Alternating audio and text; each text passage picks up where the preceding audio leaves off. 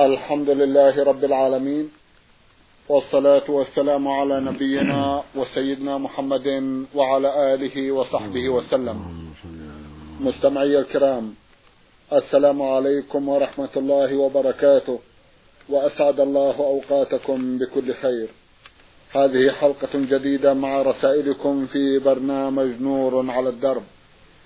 رسائلكم في هذه الحلقة نعرضها على سماحة الشيخ عبد العزيز ابن عبد الله بن باز الرئيس العام لإدارات البحوث العلمية والإفتاء والدعوة والإرشاد.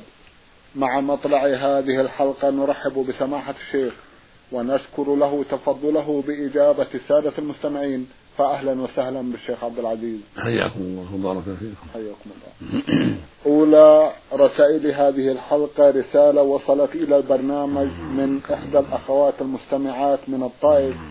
وقعت في نهاية الرسالة بقولها أختكم في الله نالة العسيري. الأخت نالة عرضنا بعض أسئلة لها في حلقات مضت وفي هذه الحلقة سنعرض لها بعضا من أسئلتها أيضا. حيث بعثت بعدد كبير من الأسئلة.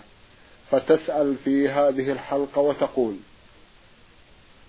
هل للطواف والسعي بين الصفا والمروة والوقوف بعرفة والمبيت بمزدلفة أدعية مخصصة أم يدعو الحاج بما شاء من الأدعية؟ بسم الله الرحمن الرحيم. الحمد لله وصلى الله وسلم على رسول الله. وعلى آله وأصحابه من اهتدى بهداه. أما بعد فليس للطواف والسعي والوقوف بعرفة وفي مزدلفة أدعية مخصصة لا بد منها بل يشرع للمؤمن أن يدعو ويذكر الله وليس هناك حد محدود. يذكر الله بقوله لا إله إلا الله وحده لا شريك له له الملك وله الحمد وهو على كل شيء قدير. سبحان الله والحمد لله ولا إله إلا الله والله أكبر ولا حول ولا قوة إلا بالله. سبحان الله وبحمده سبحان الله العظيم. يردد مثل هذا الذكر. ويدعو ما يسر الله من الدعوات. يسأل ربه أن الله يغفر له ذنوبه ويدخله الجنة وينجيه من النار. يسأل الله له ولوالديه المسلمين المغفرة والرحمة. وإن كان والداه مسلمان سأل الله لهما التوفيق لإصابة الحق والهداية والاستقامة والثبات على دين الله وهكذا يسأل الله لولاة أمر المسلمين بالتوفيق والهداية وصلاح النية والعمل وصلاح البطانة. ويسأل الله خير الدنيا والآخرة في طوافه وفي سعيه وفي وقوفه بعرفات وفي مزدلفة وفي منى وفي كل مكان. يسأل ربه من خير الدنيا والآخرة. لكن يشرع له في الطواف يختم كل شوط بقول ربنا آتنا في الدنيا حسنة وفي الآخرة حسنة وقنا عذاب النار. فعله الرسول صلى الله عليه وسلم وهذا مستحب لو ترك ما عليه شيء. فهذا مستحب أن يقول هذا الدعاء. ولو ما دعا بذلك ودعا بغيره فلا حرج عليه. لكن يستحب له في آخر كل شوط بين الركنين يعني بين الركن اليماني والحجر الأسود يقول ربنا آتنا في الدنيا حسنة وفي الآخرة حسنة وقنا عذاب النار. وكل ما حاد الحجر كبر قال الله أكبر أو بسم الله والله أكبر. في كل طوفة يبدأ بهذا ويختم بهذا يبدأ بالتكبير ويختم بالتكبير. وإن قرأ القرآن في سعيه وطوافه فلا بأس. وفي السعي يستحب له أن يكثر من الدعاء والذكر والتكبير. على الصفا والمروة مستقبل القبلة ثلاث مرات كرر ثلاث مرات. الرسول صلى الله عليه وسلم على الصفا وحد الله وكبره ودعا وكرر ثلاث مرات. وكان من ذكره على الصفا والمروة لا إله إلا الله وحده لا شريك له له الملك وله الحمد وهو على كل شيء قدير. لا إله إلا الله وحده أنجز وعده ونصر عبده وهزم الأحزاب وحده ويدعو ما يسر الله ويكرر ثلاث مرات. وإذا قال الله أكبر الله أكبر لا إله إلا الله الله أكبر الله أكبر ولله الحمد. فهذا طيب لأن فيه تحميد الله وتكبيره. لأن في هذا تحميد الله وتكبيره سبحانه وتعالى. وإن قال سبحان الله والحمد لله ولا إله إلا الله الله أكبر فحسن. أو قال سبحان الله وبحمده سبحان الله العظيم فحسن. يدعو ما تيسر ويدعو ما تيسر. مع الذكر. ويرفع يديه. ويستقبل قبله. حال كونه على الصلاة وحال كونه على المروة يستقبل قبله رافعا يديه. ويكبر الله ويحمده ويثني عليه ويدعو ويذكر الله ثلاث مرات. يكرر كما كرر النبي عليه الصلاة والسلام. وهكذا على المروة. في كل شوط. ويختم بالذكر والدعاء على المروة في الشوط السابع. وفي الطريق بينهما يذكر الله ويدعو أيضا. بما يسر الله من ذكر وثناء وحمد ودعاء. حين نزول من الصفا إلى المروة وحين رجوعه كذلك من المروة إلى الصفا. يكثر من ذكر الله والدعاء. وليس في ذلك شيء معين واجب بل ما ما يسر الله له من الذكر والدعاء الطيب فهو كافي. لكن يتحرى الدعوات الجامعة التي تنفعه في الدنيا والآخرة. مثل اللهم إنك عفو تحب العفو فاعف عني. اللهم إني أسألك رضاك والجنة وأعوذ من سخطك والنار. اللهم إني أسألك الجنة وقرب لها من قول وعمل. وأعوذ من النار وقرب لها من قول وعمل. ربنا آتنا في الدنيا حسنة وفي الآخرة حسنة وقنا عذاب النار. إلى غير هذا مع ذكر الله مع قوله لا إله إلا الله وحده لا شريك له له ملك وله الحمد يحيي ويميت وهو على كل شيء قدير. سبحان الله والحمد لله ولا إله إلا الله والله أكبر ولا حول ولا قوة إلا بالله. الله أكبر الله أكبر لا إله إلا الله الله أكبر الله أكبر ولله الحمد. الله أكبر كبيرا والحمد لله كثيرا وسبحان الله بكرة واصيلا يكثر من هذا الذكر ومن الدعاء في سعيه وطوافه. وهكذا في يوم عرفة إذا وقف بعد صلاة الجمع نعم. وهو العصر يقف بعرفة مستقبل القبلة ويرفع يديه في أي جزء منها كل عرفة موقف في أي مكان منها. يرفع يديه ويلحق في الدعاء ويكثر من الدعاء ويكثر من الصلاة على النبي صلى الله عليه وسلم في دعائه. فإن حمد الله والثناء عليه والصلاة على النبي صلى الله عليه وسلم من أسباب الإجابة. فيكثر في دعوات من الصلاة على النبي صلى الله عليه وسلم مع حمد الله مع الثناء على الله يصلي على النبي صلى الله عليه وسلم في الصفا وفي المروة وفي عرفة وفي مزدلفة وفي جميع أدعيته في كل مكان. والبداءة بالحمد والثناء مع الصلاة على النبي صلى الله عليه وسلم من أسباب الإجابة. كما في حديث فضالة بن عبيد رضي الله عنه أن النبي صلى الله عليه وسلم سمع رجلا دعا ولم يحمد الله ولم يصلي على النبي صلى الله عليه وسلم قال عجل هذا. ثم قال إذا دعا أحدهم فليبدأ بتحميد ربه والثناء عليه ثم يصلي على النبي صلى الله عليه وسلم ويدعو ما شاء. فدل ذلك على أنه إذا بدأ بالحمد والتمجيد والثناء على الله ثم بالصلاة على النبي صلى الله عليه وسلم كان هذا من أسباب الإجابة. ومن ذلك الخشوع. والإقبال على الله حضور القلب كن يدعو بقلب حاضر. يعظم الله ويخضع له ويعلم أنه مجيب الدعاء وأنه جواد كريم وأن العبد فقير إليه وأنه غني حميد سبحانه. إحضار القلب والشعور بأنك عبد ذليل وأن الله هو الحكيم العليم وهو العلي الكبير مستحق لأن تعبده وتخضع له. هذا من أسباب الإجابة. وهكذا في صلاتك في أيام الحج وغير الحج نعم. تكثر من الدعاء في السجود وفي آخر الصلاة قبل أن تسلم بعد التشهد تكثر من الدعاء أيضا في صلواتك لأنها محل إجابة هكذا بين الأذان والإقامة أذن تكثر من الدعاء بين الأذان والإقامة. وتحمد الله وتصلي على النبي صلى الله عليه وسلم ثم تدعو. نعم. جزاكم الله خيرا. تسأل أختنا وتقول زوج أختي من أمي. هل هو محرم لوالدتي أو لا؟ نعم. زوج أختك محرم لولد لأنها لأنه زوج بنتها. وزوج أختك من أمك. فهو زوج هو محرم لأمك لأنها أمكما جميعا. لكن زوج أختك من أبيك ليس محرما لأمك إذا كانت أختك من أبيك لأنها زوجة أبيها وليست أما لها. أما أختك من أمك فهي فهو محرم لأمها. نعم. جزاكم الله خيرا. هل يجوز الكشف على عم والدي وخال والدتي وجدها؟ أرشدونا جزاكم الله خيرا. نعم محرم. ما شاء الله. الخال والعم لك ولأمك ولأبيك. عم أبيك عم لك وعم جدك عم لك وخال أمك خال لك وخال أبيك خال لك. وإن على. نعم. جزاكم الله خيرا. تقول امرأة أجريت لها عملية جراحية فلا تستطيع الوضوء ولا التيمم. وكذلك لا تستطيع الصلاة وهي قائمة أو جالسة فكيف تكون الصلاة حينئذ؟ صلي بالتيمم إذا لم تستطع الماء صلي بالتيمم. يممها أخوها أو أمها أو زوجها أو بعض محارمها. يضرب التراب تأمره تكون ناوية وهو يمسح وجهها وكفيها بالتراب. التراب الخفيف.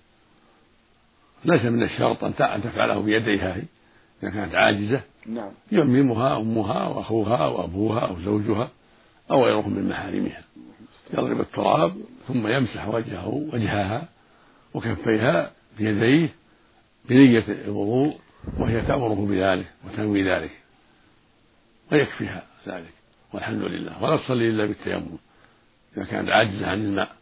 نعم. نعم. جزاكم الله خيرا. أما ما يتعلق بالخارج الدبر والقبل هذا يكفيه يكفي فيه الاستنجاء الاستثمار باللبن أو بالحجارة أو بالمناديل. الخارج من الغائط من الدبر والقبل من البول والغائط. نعم. المريض يتمسح بالمناديل. حتى يزيل الأذى من دبره ومن قبله ذكرا كان أو أنثى. بشرط أن يكون ثلاث فأكثر ثلاث مسحات فأكثر حتى يزيل الأذى. وإذا كان عاجزا فالذي يمرضه يقوم بذلك. الممرضة المرأة وممرض للرجل أو أمه أو أخته أو زوجته يقوم بذلك. يزيل الأذى بالمناديل وهذه حالة ضرورة. حالة ضرورة يجوز للممرض أن يقوم مع المريض والممرضة مع المريضة. الرجل يتولاها الرجل والمرأة يتولاها المرأة. جزاكم الله خيرا. إذا كان شخص يداوم على صيام بعض النوافل كالاثنين والخميس أو ستة من شوال فهل يجوز له أن يتركها ثم يصومها؟ وهكذا أم أنه ملزم بها؟ نرجو التوجيه. جزاكم الله خيرا. هذه نوافل. ليس لا يلزمه الاستمرار فيها. إذا تيسر له صام إذا شق عليه ترك. كان النبي صلى الله عليه وسلم يصوم تارة ويترك أخرى عليه الصلاة والسلام. إذا حصل له الفراغ سرد الصوم وإذا شغل سرد الإفطار عليه الصلاة والسلام. فإذا كان يصوم الاثنين والخميس أو ستا من شوال أو يصوم يوم ويفطر يوما فهو يفعل ذلك إذا تيسر له ذلك. وإذا ترك فلا حرج لأنها نافلة ليست واجبة.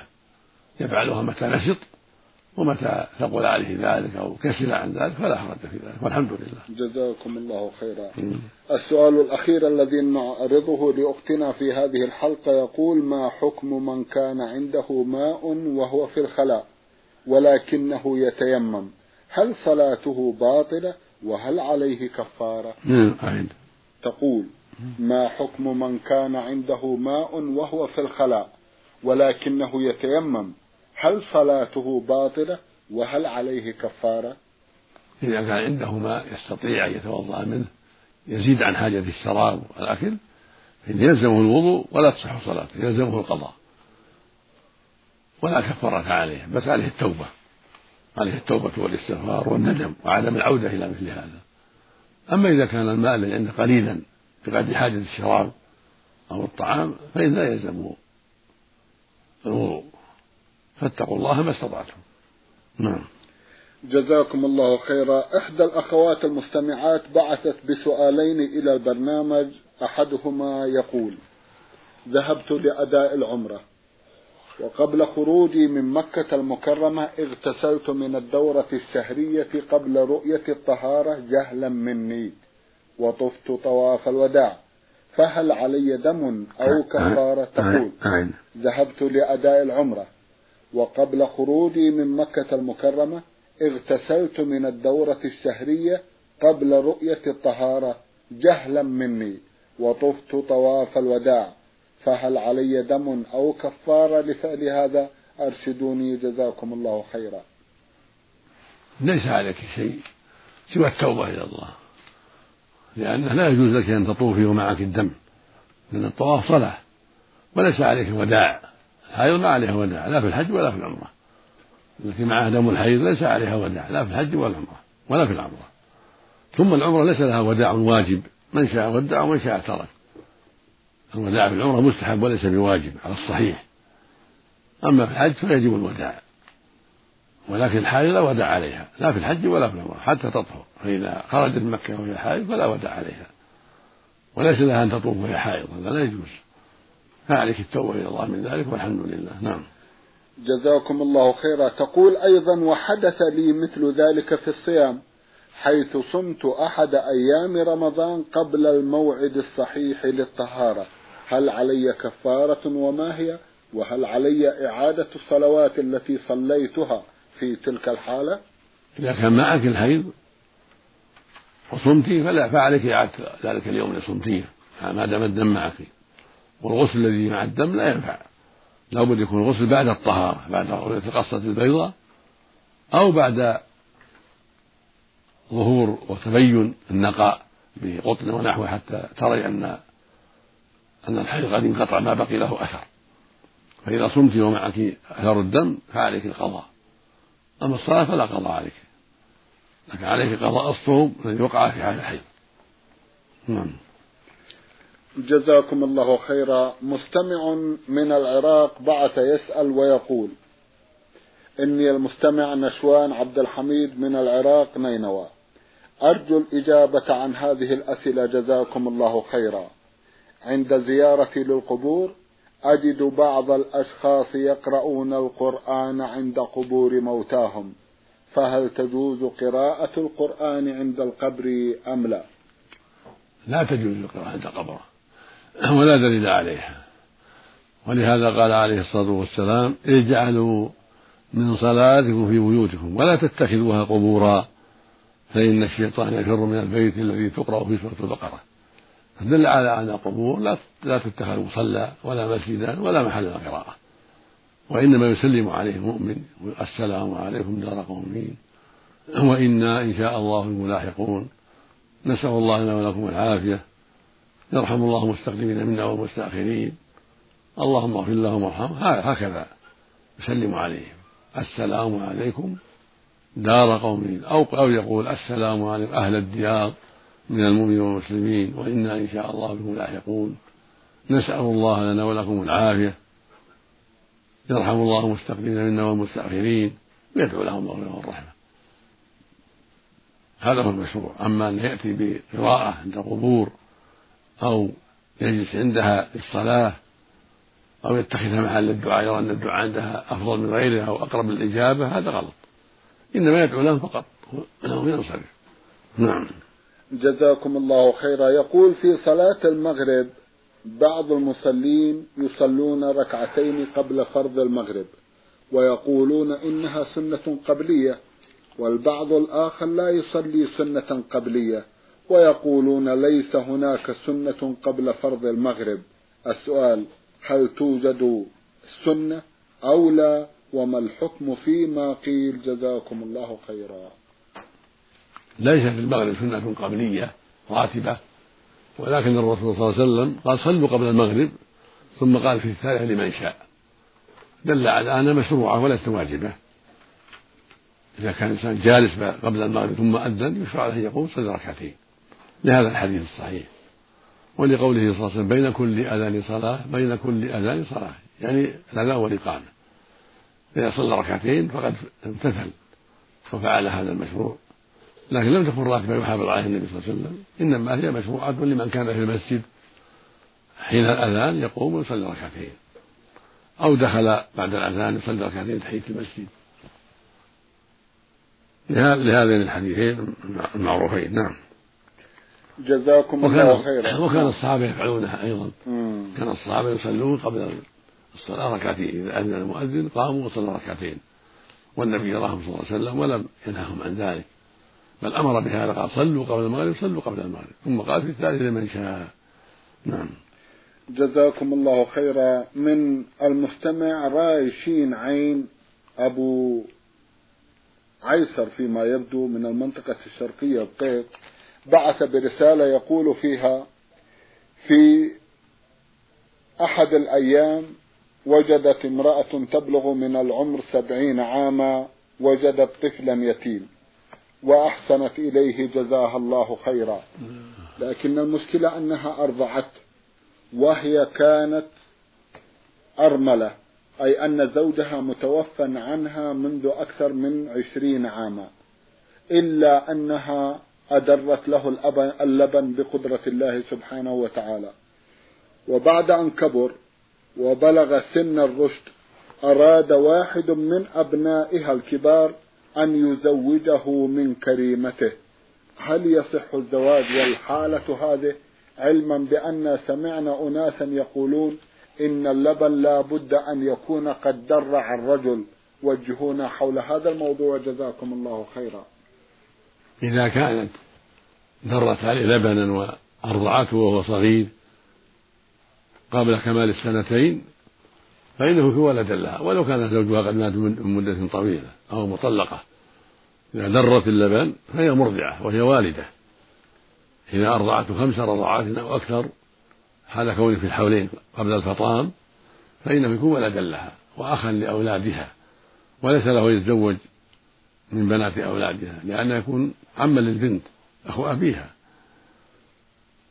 فهي أمه وجميع أولادها إخوة لهذا الطفل. إذا كان الرضاع خمس رضعات أو أكثر حال كون الطفل في الحولين. أما إن كان درها ليس لبنا إنما هو ماء فلا فلا عبرة به ولا يعول عليه. لابد يكون لبن. من جنس اللبن المعروف للنساء وهذا يقع كثيرا. كثير من العجائز إذا أخذت الطفل عطفت عليه ودرت عليه. فيكون ولدا لها بهذا اللبن الجديد الذي درت عليه به.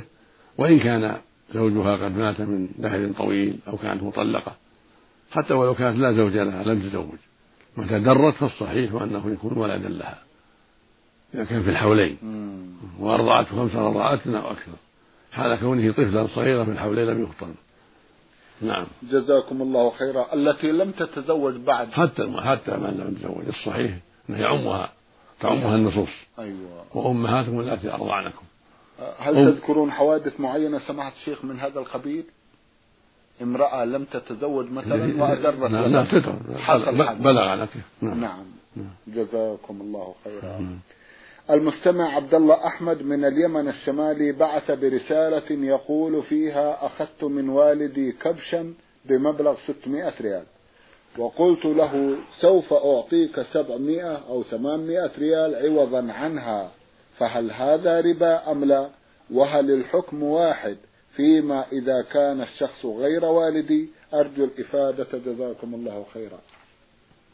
إذا اشتريت سلعة من أبيك أو غيره ب 600 ريال أو بأكثر ثم عند الوفاة زدته لأنك تأخرت عنه وقدرت له صبره عليك فلا بأس.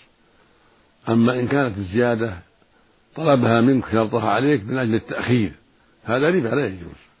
قال ما أسمح عنك إلا أن تزيدني وما أسمح أنك تأخر عجل قلت الآن أمهلني وأنا أزيدك بدل الست أعطيك سبع. من أجل الإنظار. هذا لا يجوز هذا ربا. أما عند عند القضاء أعطيته من نفسك عن طيب نفس لا عن شرط بينك وبينه فهذا لا بأس. يقول النبي صلى الله عليه وسلم إن خيار الناس أحسنهم قضاء. والنبي صلى الله عليه وسلم كان يقضي أخيرا مما أخذ عليه الصلاة والسلام. والخلاصة أنه إن كان شرطا فلا يجوز. أما إن كان إحسانا منك لأنه أمهلك وأنظرك أو لأنه أبوك تحب له الخير فأردت أن تزيده فلا بأس بذلك. جزاكم الله خيرا. هنا رسالة وصلت إلى البرنامج من أحد الإخوة المستمعين رمز إلى اسمه بالحروف عين حاء باء سوداني يعمل في بحرة المجاهدين طريق مكة القديم. رسالته مطولة بعض الشيء يقول قبل أربع سنوات كنت في السودان مع أهلي وزوجتي وحصل خصام بين زوجتي ووالدتي وأمرت زوجتي أن تصالح والدتي وقد رفضت تصالحها وحلفت عليها وقلت إذا لم تذهبي إلى والدتي وتصالحيها أنت طالق ثلاث مرات. وقلتها في دفعة واحدة. وبعد هذا الطلاق لم تذهب هي إلى الوالدة وطردتها إلى أهلها وهي بنت عمي. وبعد ثلاثة أيام ذهبت إلى شيخ في القرية وهو على, وهو على درجة عالية من الفقه وأخبرته بما جرى. قال هذه الزوجة تعتبر مطلقة طلقة واحدة على قول جمهور أهل العلم وقال لي تعتبر هذه الطلقات واحدة لأنك لم تنوي الطلاق أصلا. أرجو أن توجهوني حيال هذا الموضوع. جزاكم الله خيرا. علما بأن لي منها طفلين.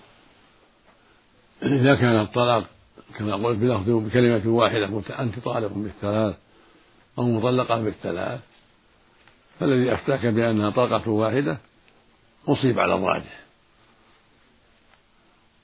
قد ثبت عن النبي صلى الله عليه وسلم حديث ابن عباس رضي الله عنهما أنه كان الطلاق على عهد النبي صلى الله عليه وسلم في طلاق الثلاث كان يجعل واحدة في عهده صلى الله عليه وسلم وفي عهد الصديق وفي أول خلافة عمر رضي الله عنه. قال ابن عباس كان الطلاق على عهد النبي صلى الله عليه وسلم وعلى عهد الصديق وسنتين ثلاث عمر طلاق الثلاث واحدة.